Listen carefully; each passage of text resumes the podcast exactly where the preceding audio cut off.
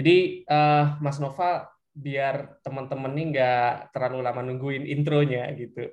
Uh, silakan Mas Noval bisa jelasin Mas. Mas Noval tuh uh, pendidikan mungkin ya, pendidikan terakhir, terus kemudian sekarang uh, aktif kerja di mana, apa yang uh, proyek-proyek blockchain apa yang lagi dibangun.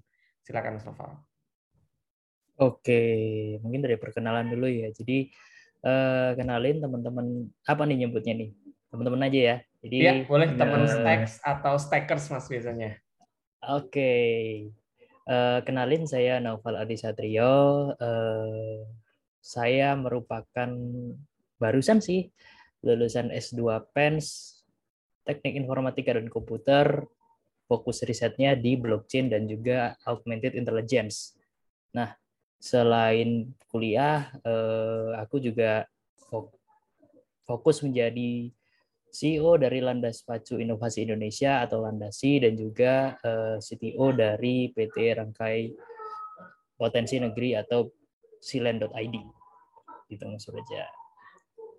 Oke, keren banget. Ini beda nasib kayaknya Mas. Saya lulus S2 tapi belum bisa jadi CEO, CTO gitu kayak Mas Noval nih. Oke, keren-keren Mas. Uh, Mas ini sedikit ya, nanti Mas Puji akan mengulik-ngulik lebih dalam. Sedikit Mas saya ngulik di permukaannya. Mas Noval kenapa tertarik blockchain dan kapan Mas Noval pertama kali ketemu sama blockchain Mas? Oke, jadi ketemu sama blockchain itu dulu waktu tahun 2016. 2016 2017 itu waktu gelombang ya cukup cukup tinggi ya. Hype-nya sama kayak kita di 2019. Itu eh, dulu kenal lewat teman, teman dulu trade kan. Cuma waktu itu saya berpikir bahwa kira-kira ada nggak ya eh, sistem investasi lah. Kalau teman-teman dulu kan masuknya lewat uh, jalur investasi ya beli koin segala macam. Nah, saya tuh dulu hmm. berpikir ada nggak sih uh, investasi di kripto yang aman, lebih secure gitu. Nah, di situ saya coba untuk masuk ke mining.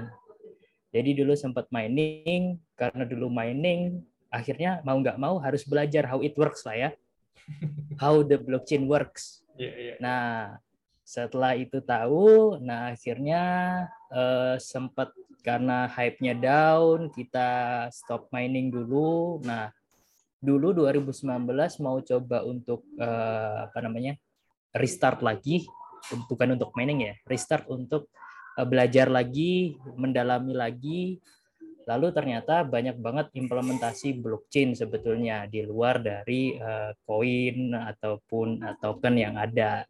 Nah, akhirnya di S2 riset deh tentang blockchain sama AI. Itu Mas Raja. Oke, ini dengar-dengar ya Mas. Ini saya dengar-dengar kabar hmm? burung Mas Nova.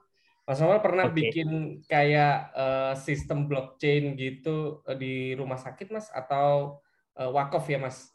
Boleh diceritain? Yes, betul. Ya, nah, boleh.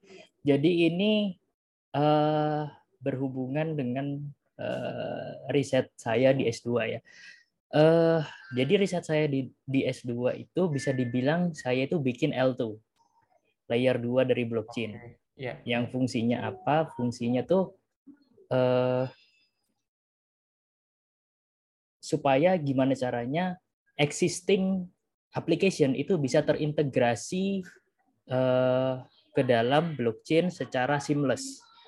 Jadi target saya adalah gimana caranya kita punya aplikasi bisa menyambung ke dalam blockchain tanpa merubah satu kode, satu baris kode pun.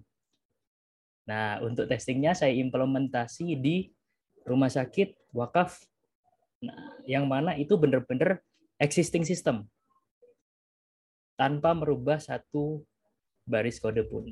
Gitu. Sampai itu yang mana, Mas? Ini, Mas. Uh, sampai kita bisa masukin data ke dalam blockchain sih. Jadi uh, kalau kita biasanya ngomongnya transaksi ya. Hmm. Jadi sampai bisa melakukan transaksi, ya, data yang dimasukkan adalah eh, data-data yang memang bersifat uh, apa namanya transparan ya. Jadi bersifat publik yang memang berhak diketahui untuk publik Nah, data itulah yang kita masukin ke dalam blockchain.